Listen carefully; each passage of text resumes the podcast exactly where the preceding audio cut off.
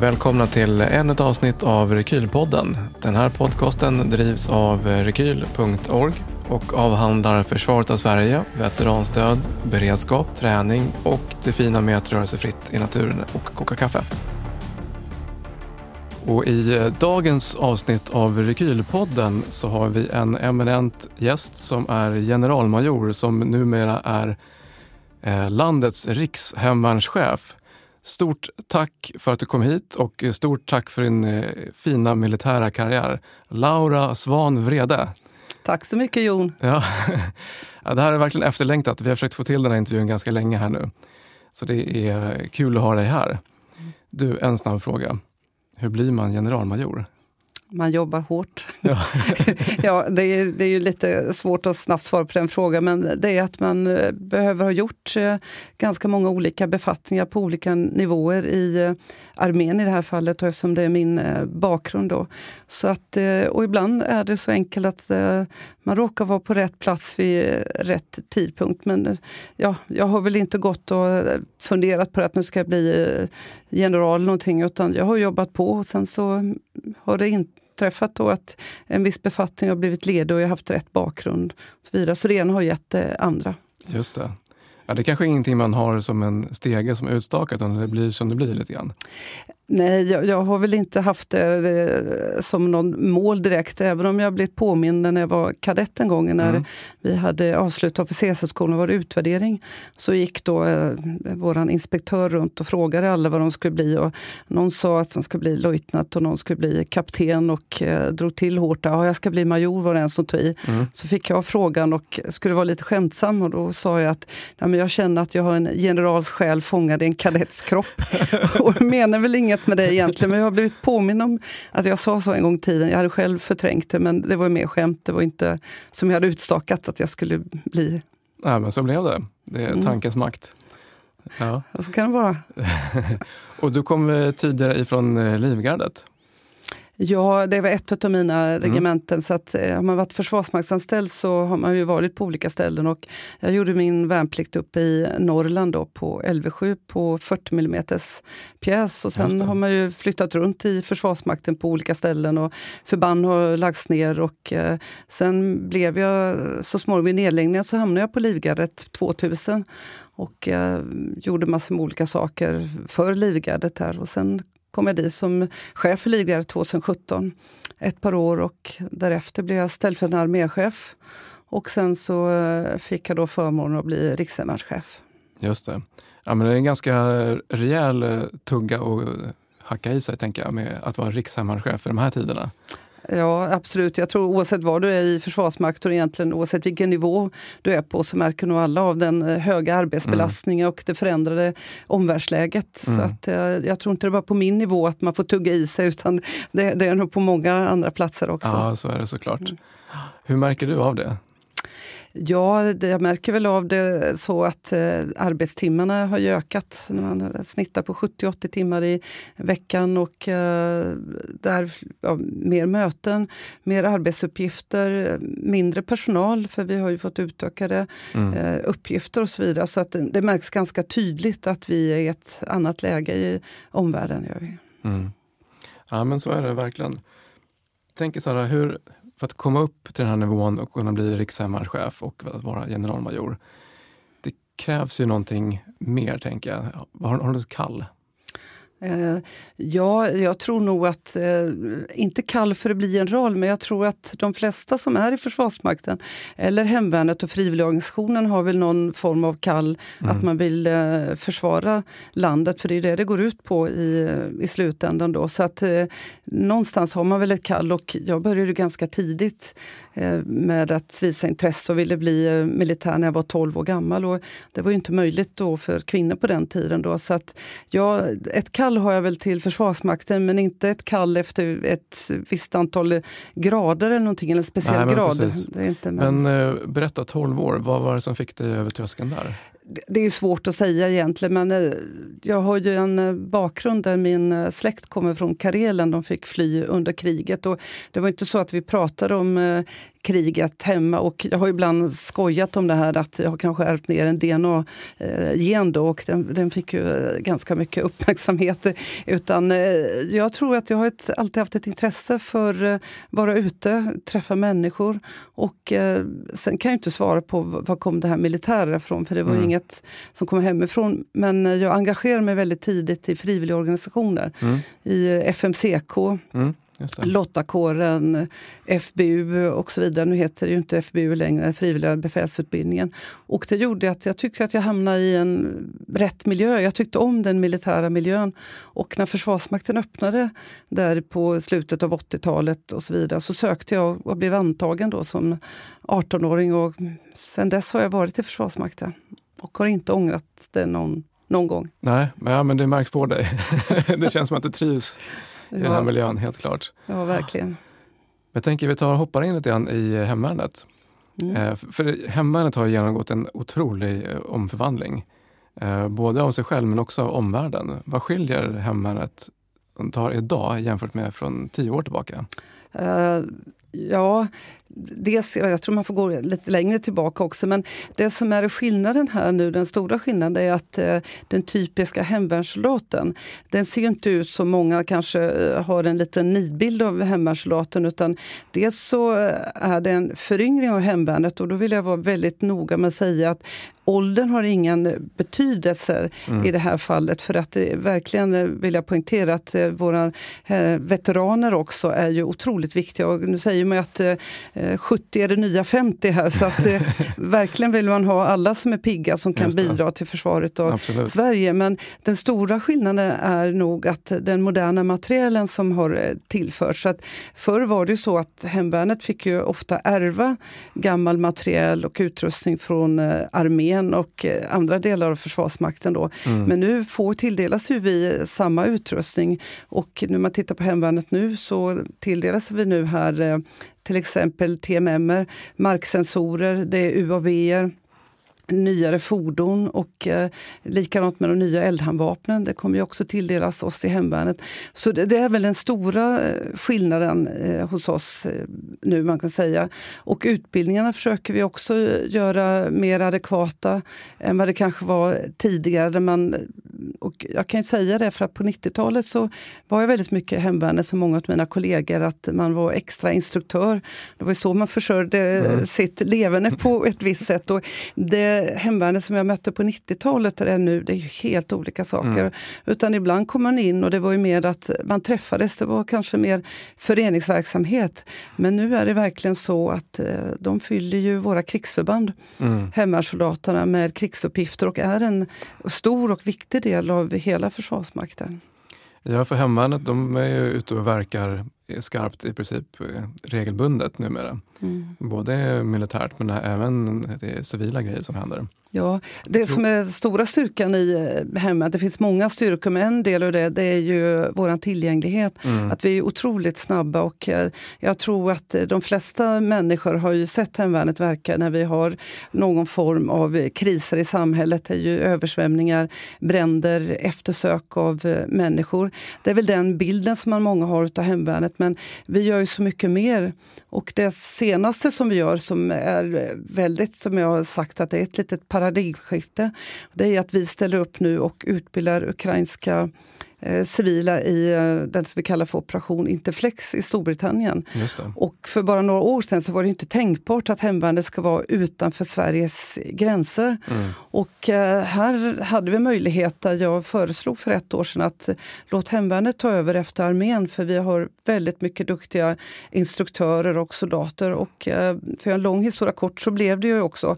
Så sen i somras har ju hemvärnet varit med och utbildat då civila ukrainare och vi har gjort det med den eh, bravur och de senaste eh, ska man säga, utvärderingen som vi fått av britterna så ser vi att eh, våra hemvärnsinstruktörer ligger på 20 till 30 procent över snittet på övriga eh, länders bidrag och så vidare.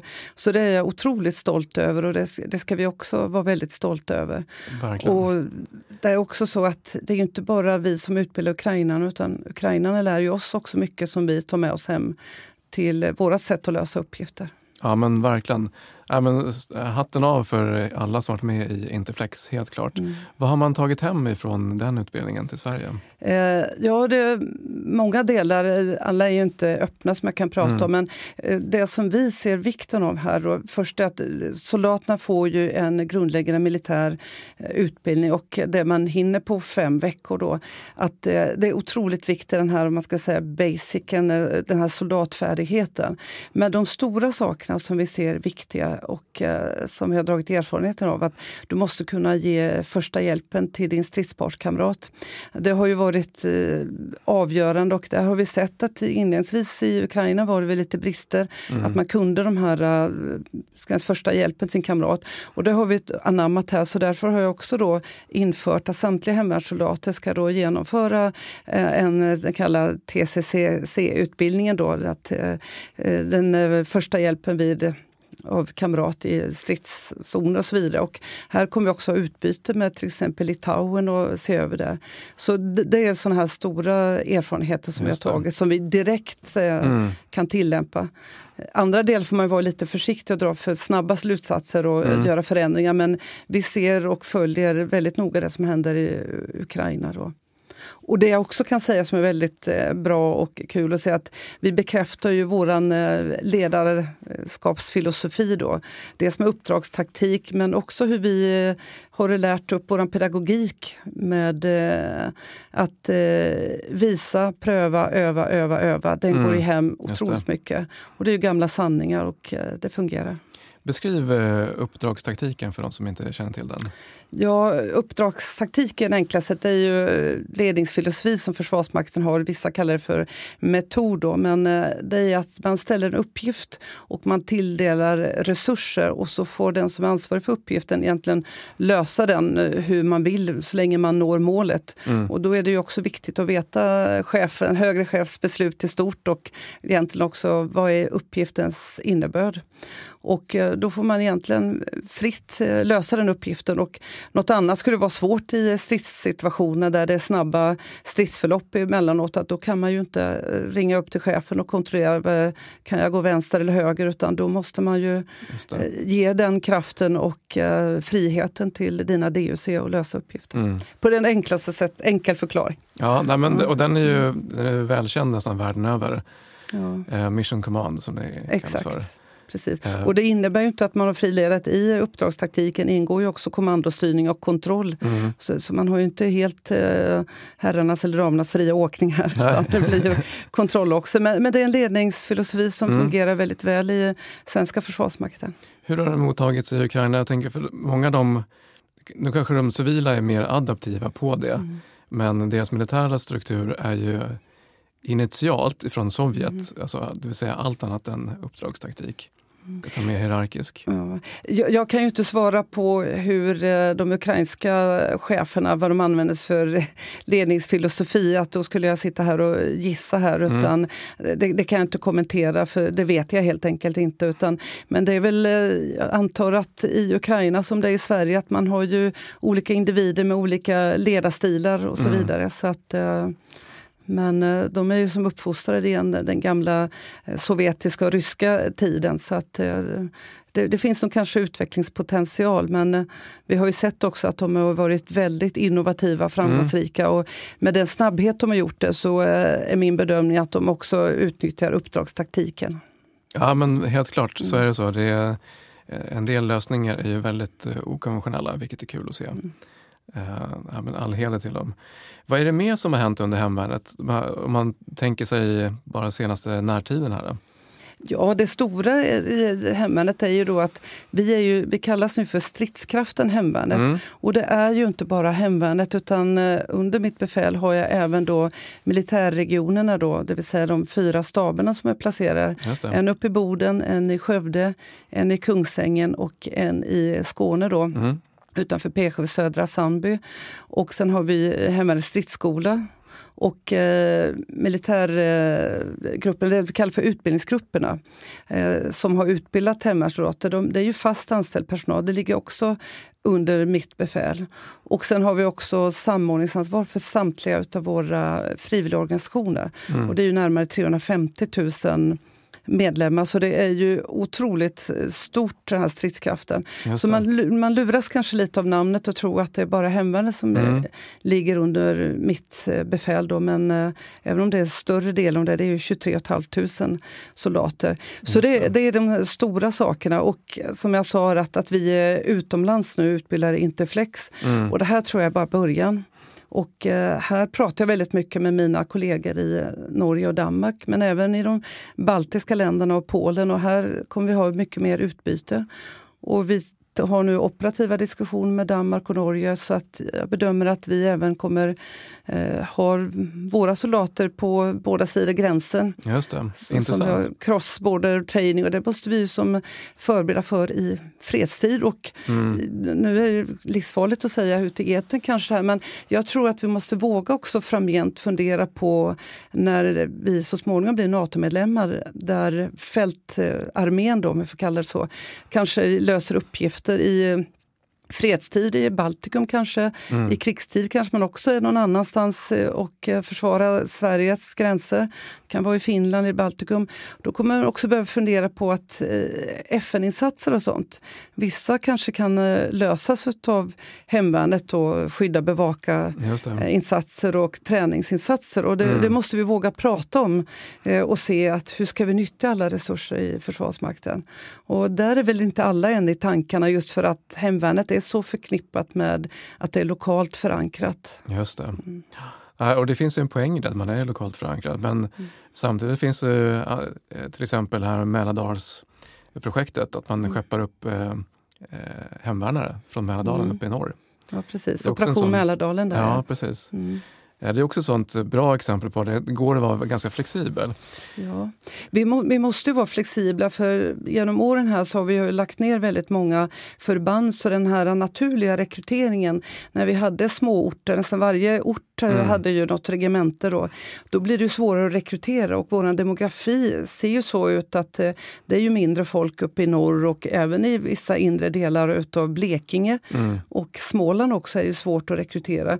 Då måste vi tänka annorlunda och eh, då blir det ju utbilda här, krigsplacera där. Mm. Som vi egentligen gjort med alla värnpliktiga som eh, gjorde värnplikt uppe i norr. Man blev rekryterad från söder och upp då. och såklart får ju det konsekvenser för vissa av beredskapstiderna och annat då. Men mm. vissa förband måste vi nog behöva göra så att man har uppgifter någon annanstans. Just det. Ja, men det är en ganska intressant utveckling. Också om eh, ni utbyter med andra länders hemvärn. Jag tänker Norges hemvärn till exempel är ju annorlunda? För de är väl yrkeshemvärn om jag förstår rätt? Ja, de har lite blandat här. De har ett helt annat system där man gör sin värnplikt där i hemmet och sen så blir man ju då eh, i beredskap ett tag efteråt. Och mm. där är ju rikshemvärnschefen eh, markterritoriell chef i södra delen av Norge. Sen mm. är det ju arméchefen som har Nordnorge. Ah, men det är ett annat system och mm. ja, det skulle vi kunna införa i Sverige också men då behöver vi se över anställningsformerna. Och eh, där, där är vi inte eh, ännu utan eh, vi har det här systemet som vi har. Mm. Ifall någon blir orolig där ute, här, blir man eh, pliktad. ja men precis. Mm. Ja, men intressant utveckling och som du säger, en vacker dag så är vi med i Nato och då blir det både att vi är ute och rör på oss men också att andra eh, allierade är ute och rör på sig och kanske mm. kommer till oss. Vad kommer det få för konsekvenser? Ja, det, det, vi redan ser nu som en stor uppgift som har ålagts då militärregioner, då, det vill säga, och det ligger under mig också, då, det är ju det här som vi kallar för värdlandsstöd. Mm. Och eh, där vi ska kunna ta emot större mängder eh, allierade trupper och så vidare. Och här ska vi också ha klart för oss att det här är inget nytt eh, epitet. Nu heter det värdlandsstöd och det är mm. väl buzzword för mycket, men det här har vi gjort i många år. Att, eh, på Gotland har vi tagit emot utländska förband. Vi har gjort det under Aurora. Vi har gjort det och transporterat stora mängder eh, utländsk trupp upp till Norrland. Vi har haft övningar som Cold Response och så vidare. Så det här är någonting som vi faktiskt kan.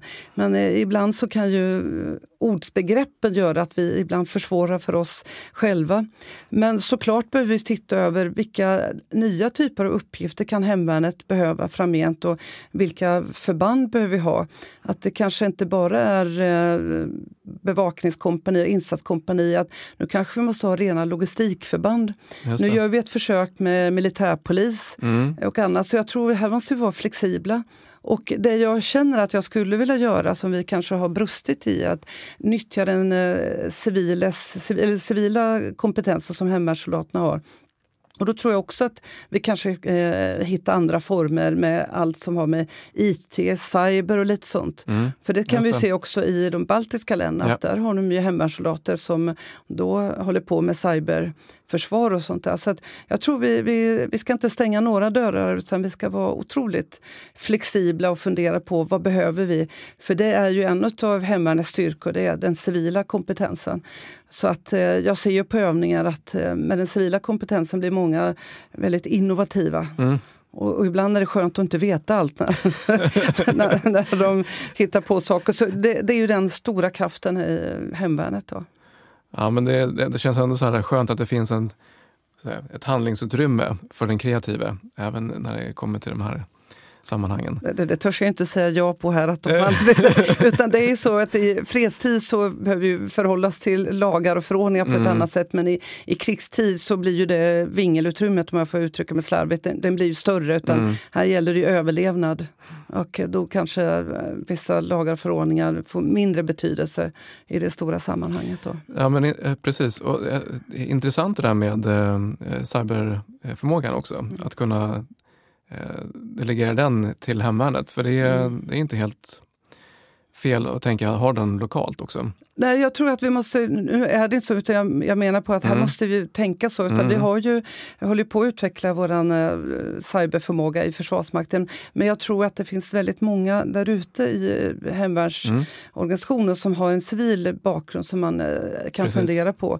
Och just nu när vi tittar på de andra länderna så är Sverige den enda som inte kanske tittar just nu kopplat till hemvärnet. Eh, men eh, vi ligger inte på latsidan utan här funderar vi också med övriga i Försvarsmakten hur vi, mm. vi kan eh, utnyttja och utveckla den förmågan också. Ja, Spännande. Vad ser du för eh, utveckling för hemvärnet framöver? Ja, jag var nog lite och touchade lite den, utan jag tror att det, vi behöver titta på, dels behöver ser vi över just nu antalet avtalsdagar. Eh, nu är det ju fyra eller åtta avtalsdagar, mm. men vi ser också det vi gjorde på Gotland, eh, där vi tog in om 30 dagar för att eh, utveckla vår förmåga. Mm. Jag tror att den typen av utveckling kommer vi också behöva se att vissa förband kanske måste in ännu längre. Eh, samtidigt behöver vi se över ersättningarna. Vad ska man få för ersättningar när man kommer in som frivillig? Mm. Vi ser också över ansvaret, det här med rehabiliteringsansvar. Eh, och det är saker som vi, vi, vi, kanske kan utveckla, eller kanske kan, utan vi måste utveckla de delarna. Och eh, jag tror också framgent, som jag sa, att andra typer av uppgifter där vi nyttjar den civiles eh, kunskaper, civila erfarenheter och kunskaper på ett annat sätt som vi implementera i det militära. Och jag tror också som jag sa att det kommer bli mer internationell verksamhet och mer internationellt samarbete också. För Det gäller ju även här hemma i Sverige. Mm. Så att det är de utvecklingarna och eh, vi får ju också mer teknisk eh, utrustning. Och det ställer ju då också, det, det är jättebra att vi får utrustningen men det är ju inte bara kunna prylen, för det är det enkla i det hela. Det. Utan man måste ha taktiken, det ska ja. vara infrastruktur, allt det här runt omkring som som också blir en utmaning i de här delarna. Ja, men det kan jag tänka mig. För det är en sak att uh, köra ett, en bevakningsuppgift. Det är mm. ganska basic soldatkunskaper egentligen. Men så fort det börjar komma in nya system och kanske mm. ny teknik och nya fordon så kräver det mer av alla egentligen förstå hur det funkar. Absolut, och då blir det ju, dagarna kan ju där bli en begränsning också. Mm. Och det vi ser också framgent nu, att nu har jag ju fått en uppgift att jag ska ju utöka hemvärnet upp till 27 000 man.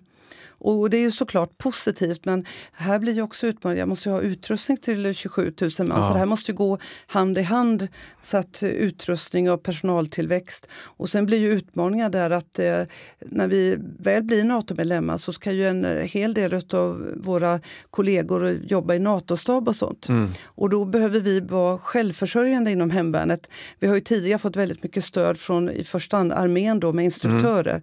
Det behöver vi klara av själva och det är jag inte så orolig för egentligen. För kunskapen har vi men det blir balansen med den, eh, den vi säger treenheten för hemvärnssoldaten det civila, eh, familjen och eh, det militära. Då. Det ska finnas en balans där den eh, civila arbetsgivaren släpper iväg våra soldater också. Ja, just det. Hur har det funkat än så länge? Jag tänker på insatsen på Gotland. Där. Ja, på Gotland var det fantastiskt gensvar och, från alla arbetsgivare. Mm. De förstår ju vidden av att här försvarar man ju Gotland så att det har varit fantastiskt bra. Och här är det ju olika, i huvudsak har ju arbetsgivarna varit väldigt ska man säga, öppna och framförallt efter storskaliga invasionen förra året. Så mm. Jag får passa på här om det finns eh, arbetsgivare ute som eh, lyssnar att eh, tacka för att ni har släppt iväg våra soldater, dels till Interflex men också övningar och utbildningar. För genom att ni släpper iväg dem så bidrar ni till försvaret av Sverige men också försvaret och möjligheterna för Ukraina mm. att försvara sig själva. Så ett stort tack för det.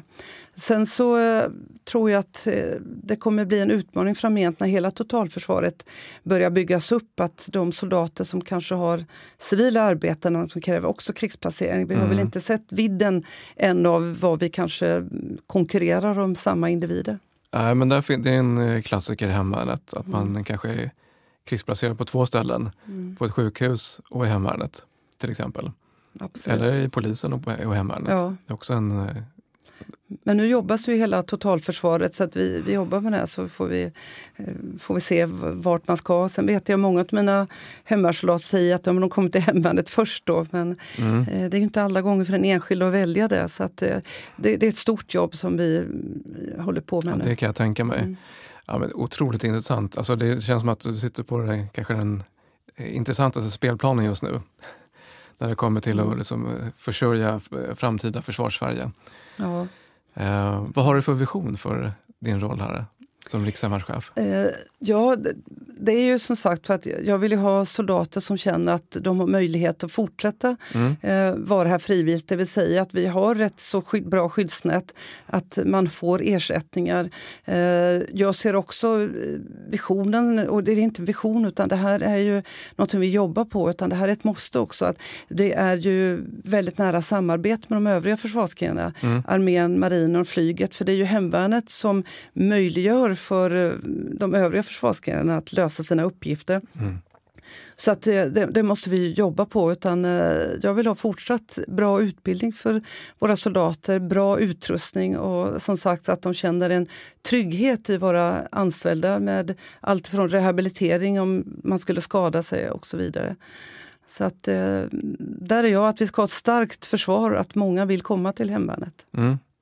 Ja, men det känns som att hemvärnet har verkligen fått sig en renässans eh, efter kriget, eller starten av ja, det stora kriget. Absolut, och vi kan ju se det som också är glädjande i, från eh, den storskaliga invasionen förra året, då fick vi en uh, anstormning till hemvärnet. Vi fick ju närmare 30 000 mm. ansökningar. Och det är ju svårt att absorbera den uh, mängden ansökningar. Normala år så får vi kanske mellan 2 till 4 000 sökande, så nu kom det 30 000 på en gång.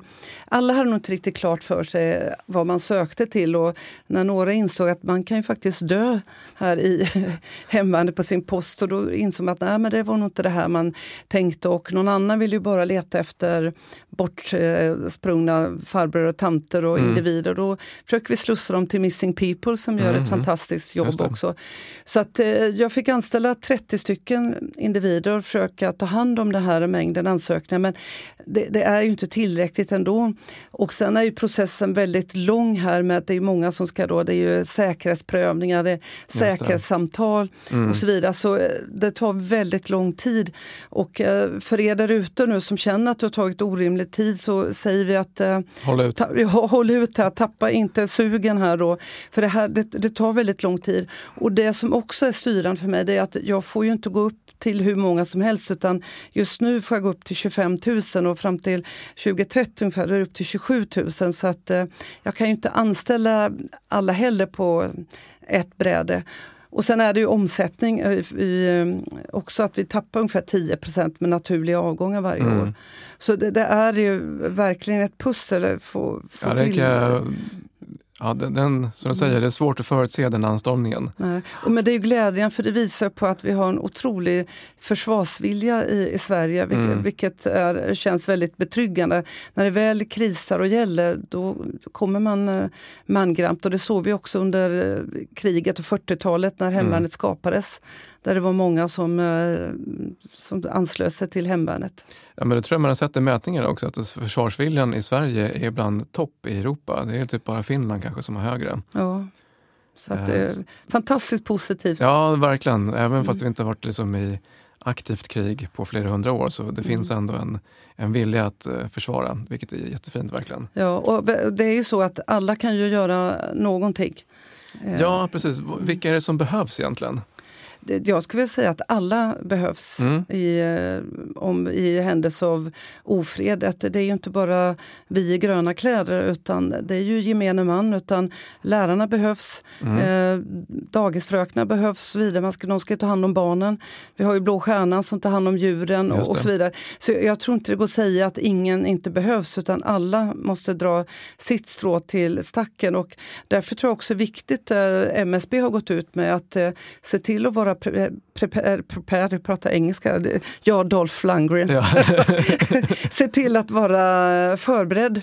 Att eh, man har en vecka man klarar sig, att man har batterier, vatten, mat, tändstickor och de här sakerna. Mm. Och det, bara att du gör det gör att du har bidragit till Försvarsmakten att vi lägger resurser på rätt saker om det värsta skulle hända. Så att eh, det är en uppmaning. Och det behöver inte vara ofred för att man behöver det. Det räcker att åskan går och man blir utan ström några dagar så blir det ju ja, kris precis. i vissa kan, delar. Och är det kallt ute och strömmen går, ja då blir det kärvt på ja, några absolut. dagar. Mm. Men sen har vi haft hela mm. coronan på oss att köpa dunkvin och Desivon och sånt där också. ja, det, så är det. och sen, jag tror vi har sett en liten peak också i eh, friluftsliv, att folk eh, inte kunde åka till eh, Marbella längre utan då mm. passade man på att gå ut i fjällen istället. Ja, det var väl bra. För ja, att, eh, köpt en sovsäck och Den fysiska förmågan, och den skulle jag också nämnt här, för det, det är någonting vi tittar på i mm. Eh, hemvärnet också då, att eh, se över. och nu ska inte folk bli rädda här nu att vi ska införa jägarkrav eller någonting, utan vi, vi tror det är väldigt viktigt här att man behöver se över att ska man vara på ett bevakningskompani så behövs, ställer följande krav och är man på ett insatskompani så kanske andra krav. Så det vi för in nu det är ju egentligen lite medicinska krav. Mm. Och det är ju det låter värre än vad det är, men det är att man ska kunna eh, fylla i då att om man har några ska man säga, medicinska hinder för att lösa vissa uppgifter. Mm. Och det kan ju vara allt ifrån diabetiker, epilepsi och sånt. Och då är det inte att vi inte vill ha in sådana individer, men då kanske man inte kan vara på ett insatskompani någonstans i Korpelombolom där det är långt till sjukvården och ja, så vidare, och där man har svårt att få medicin och sånt här, utan då kanske man ska vara på en stav eller lösa andra uppgifter. Så att det är lite det vi tittar över för att kunna vara uthålliga under mm. eh, längre tid. Och det, det, är inte för att ta bort individ utan det är ju om omsorg av individen.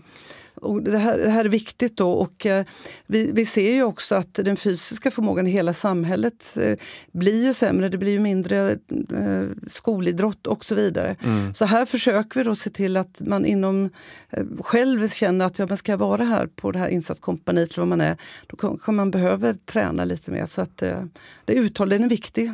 Verkligen. Hur många dagar är det som man förväntas kunna vara oavbytt så att säga? Det är ju 90 dagar, vi har ju det här mm. 6, 24, 90. Ja. På sex timmar så ska ju första delen av ett förband vara mm. vid, vid lösande av sitt, påbörja lösande av sin uppgift. Och 24 timmar då ska huvuddelen av förbandet vara. Och sen ska vi ha en uthållighet på minst 90 dygn. Då. Och jag så. tänker eh, bara koppla till Ukraina också, 90 dagar vid fronten eller 90 dagar i någon form av kontakt. Det är väldigt lång tid egentligen, så det kräver mycket av fysiken för att orka med. Absolut, och vi, vi ser faktiskt så enkelt nu här att eh, våra instruktörer som varit i Storbritannien och utbildat ukrainarna, mm. det är ju i princip dygnet, de, passen är på 14-15 timmar. Mm. Och anspänningen där eh, rent mentalt, att här träffar du individer som har varit vid fronten, vissa ska till fronten. Mm. Eh, många där har ju släkt och familj som är i princip principer utplånade. Och du vet att din prestation mm. eh, är ju det som kanske är avgörande hur Just deras det. förmåga att överleva kriget. Mm. Så bara den psykiska pressen gör ju att du behöver vara i fysisk bra form men också psykisk eh, form. Mm. Och, och, det ska vi också säga här, vilket är för oss glädjen, att eh, de som har varit i Interflex här, de eh, anses också vara veteraner. De får inte status som utlandsveteraner men de tas om hand precis som veteraner har varit i utlandsstyrkan. Mm. För det här är, ja, det är ju påfrestningar och så vidare. Ja. Så att, eh, det är också en viktig del. Och det här tycker jag är positivt i hela Försvarsmakten att eh, vi verkligen anammar eh, alla som gör insatser. För ibland är det ju inte pling i plåten eh, som gör den kinetiska energi som Nej. gör om du känner dig utsatt utan mm. det finns ju andra delar som också påverkar dig. Ja men definitivt. Mm. Och det, apropå det här med vilka som är med i hemvärnet eh, för från nu, det ser vi till exempel i vår tävling Per Endurance Race mm. som vi kör nere i Karlsborg, att det är många elittränade 40-50-åringar som ligger på toppositioner.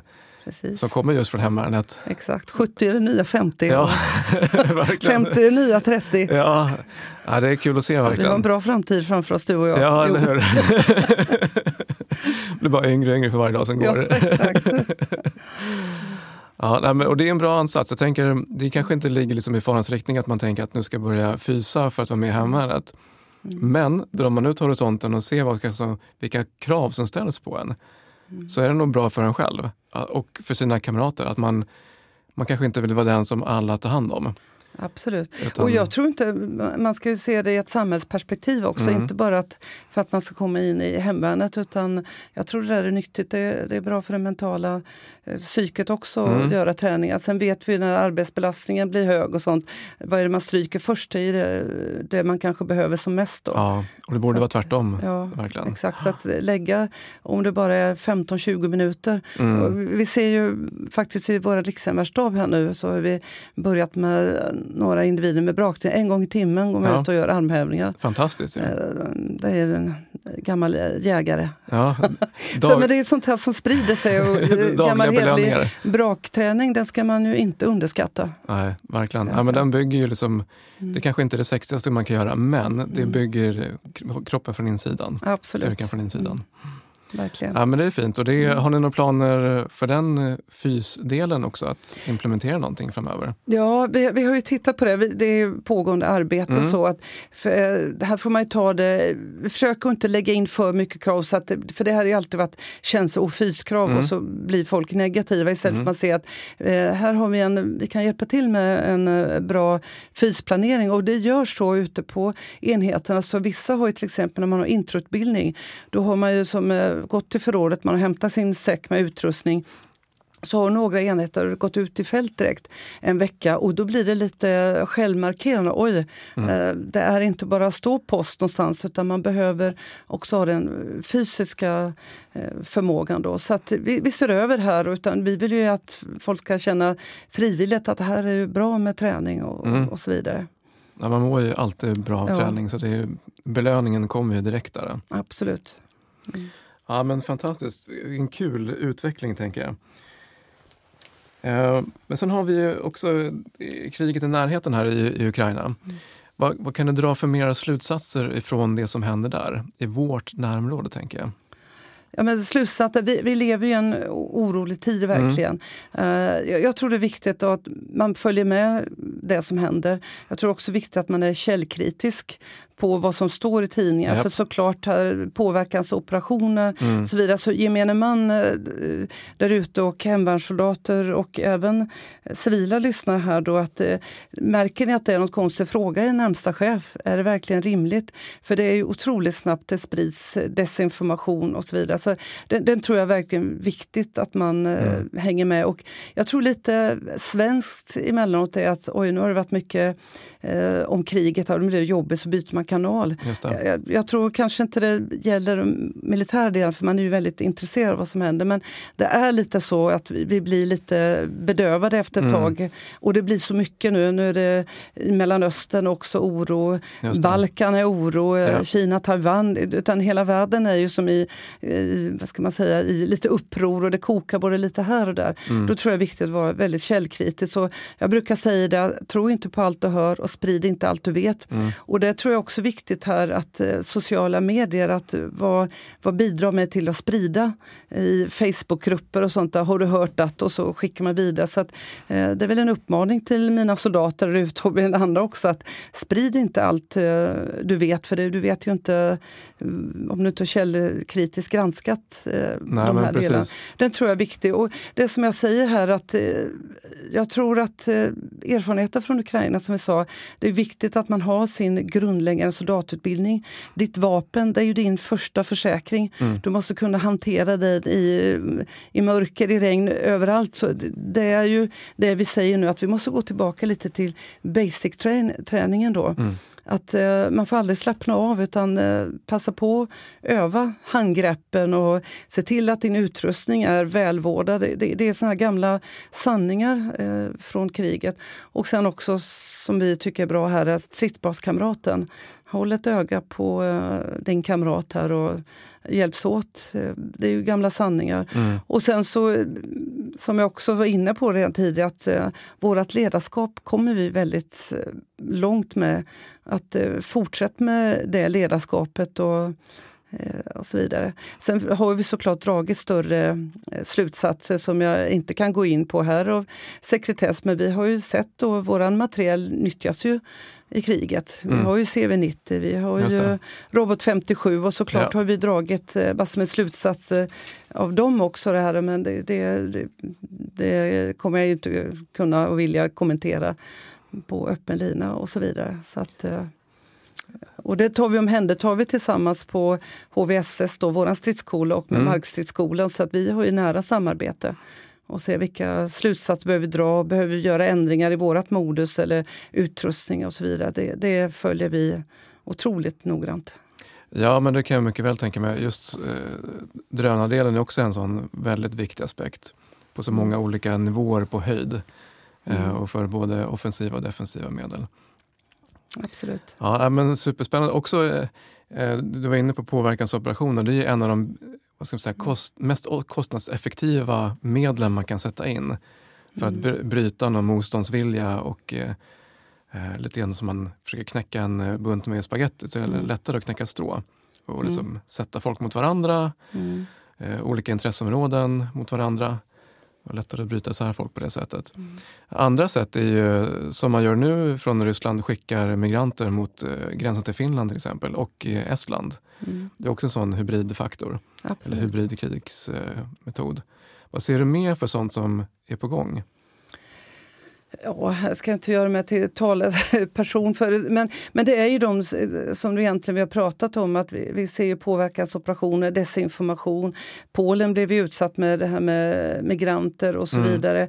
Eh, så det, all, alla de här delarna sammantaget eh, gör ju att det kan bli väldigt mycket. Vi ser ju eh, belastning, vad heter de här cyberattacker mot olika myndigheter med överbelastning av nät och sånt där. Det är också sådana saker och man behöver testa systemet och så vidare, hur motståndskraftiga är vi? Ser vi ens att det pågår? Så att eh, hela tiden pågår i den här typen av eh, verksamhet som vi ser. Och, eh, det går inte att förutse allting då, men man måste ju vara observant på sin omgivning mm. och vara förberedd. Och därför som jag sa, att det är viktigt att se vad bidrar jag till i det här kaoset? Och då kanske det inte den här inlägget på Facebook alla gånger gynnar när man skriver att ja, men nu var det ju skit för nu fick vi inte den här utrustningen eller att eh, det här, nu fick jag 20 eldavbrott på det här systemet. Utan här måste man ju tänka, för vad bidrar jag till mm. i, i, hela de här bitarna? Utan vi är ju alla en del av den här länken och eh, försvaret av Sverige då. Ja, men så, sådana kommentarer kan man dra till sin kollega eller närmsta chef, ja. men kanske inte på sociala medier. Nej, exakt. Det, det är sådana här små saker som man kanske inte alla gånger mm. eh, tänker på. och så vidare. Och därmed inte sagt att man ska ha munkavel, men just nu är det sådana tider att allting fångas upp.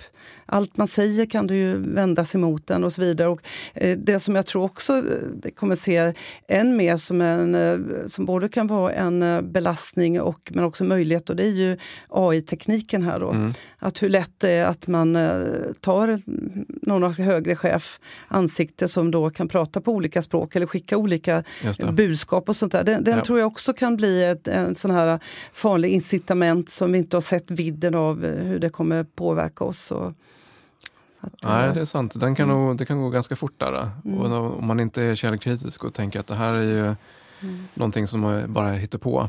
Exakt. Så tar man den för face value som det är helt mm. enkelt. Ja, den är verkligen delikat. Vilka roller har man i hemvärnet? Jag tänker, vi har ju prat, nu pratar vi mycket om de här i grönkläder och med vapen. Mm. Men det finns ju andra roller också. Jag tänker, det är många hundförare som kommer från den civila världen till exempel. Mm. Vad för mer roller kan man ha om man nu är nyfiken på att hoppa in i hemvärnet?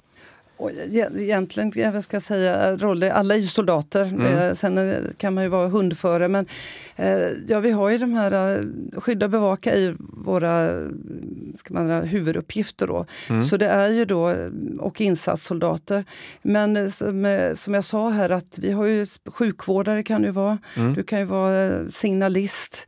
Du kan vara specialist. Då, det är ju, då kommer de från FMCK till exempel. Du kan ju vara MC-ordonnans och så vidare. Och det är svårt att rabbla upp alla, utan vi har ju de flesta egentligen befattningar som man har i övriga mm. Försvarsmakten så att säga. Och MP som vi nu tittar på hur man kan eh, hur vi kan är det som en det. ny typ av beredskapspolis eller hur kommer det funka? Ja, men det ska vara till exempel då vid värdlandsstöd då, så ja. har vi militärpoliser. Det kan ju vara allt från trafikkontroll, mm. det kan vara utre, utreda brott som har begått på, eh, inom någon garnison och allt möjligt. Så att det är vanliga MP-uppgifter och så mm. vidare.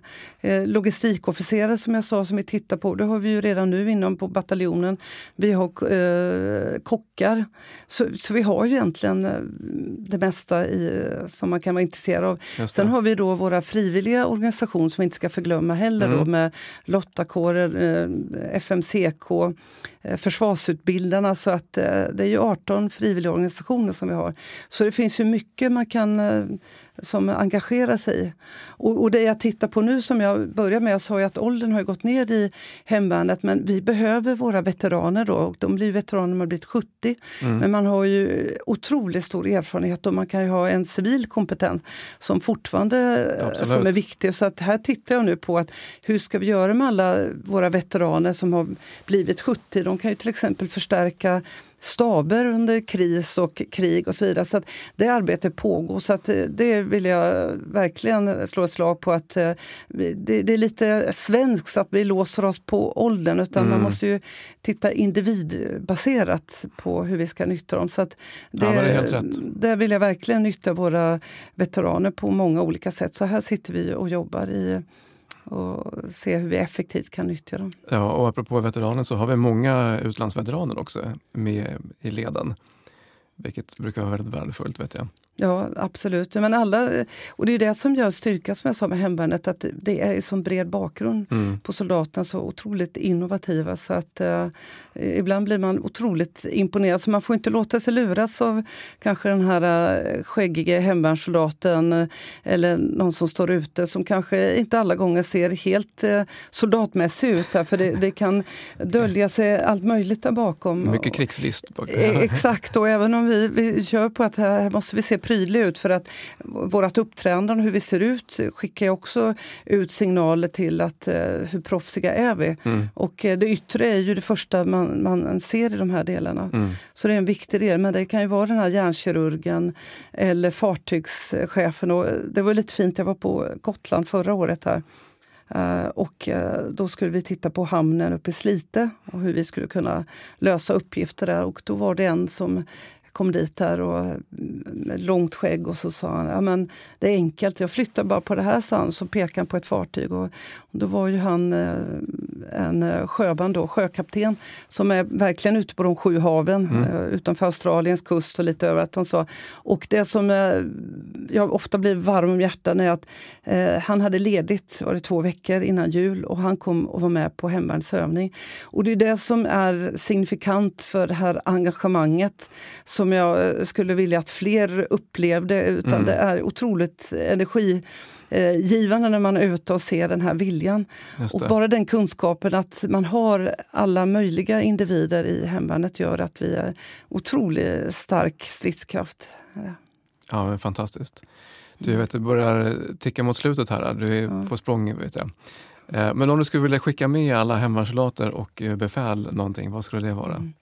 Eh, ja, det är mycket jag skulle vilja skicka ut, men det, det jag framförallt skulle vilja skicka ut det, det är ett eh, tack eh, tack för att ni är engagerade, att ni alltid ställer upp oavsett vad det gäller och tack för att ni är så innovativa och eh, tack för att ni sprider den e-, energin och den försvarsviljan.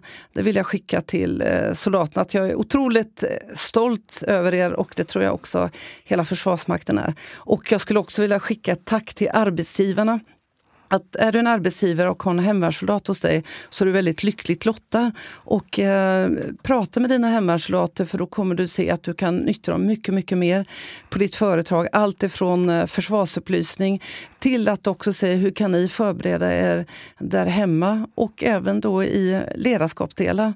För de har fått en väldigt bra utbildning här. Eh, och, och inte bara hemvärnslott utan även våra frivilligorganisationer.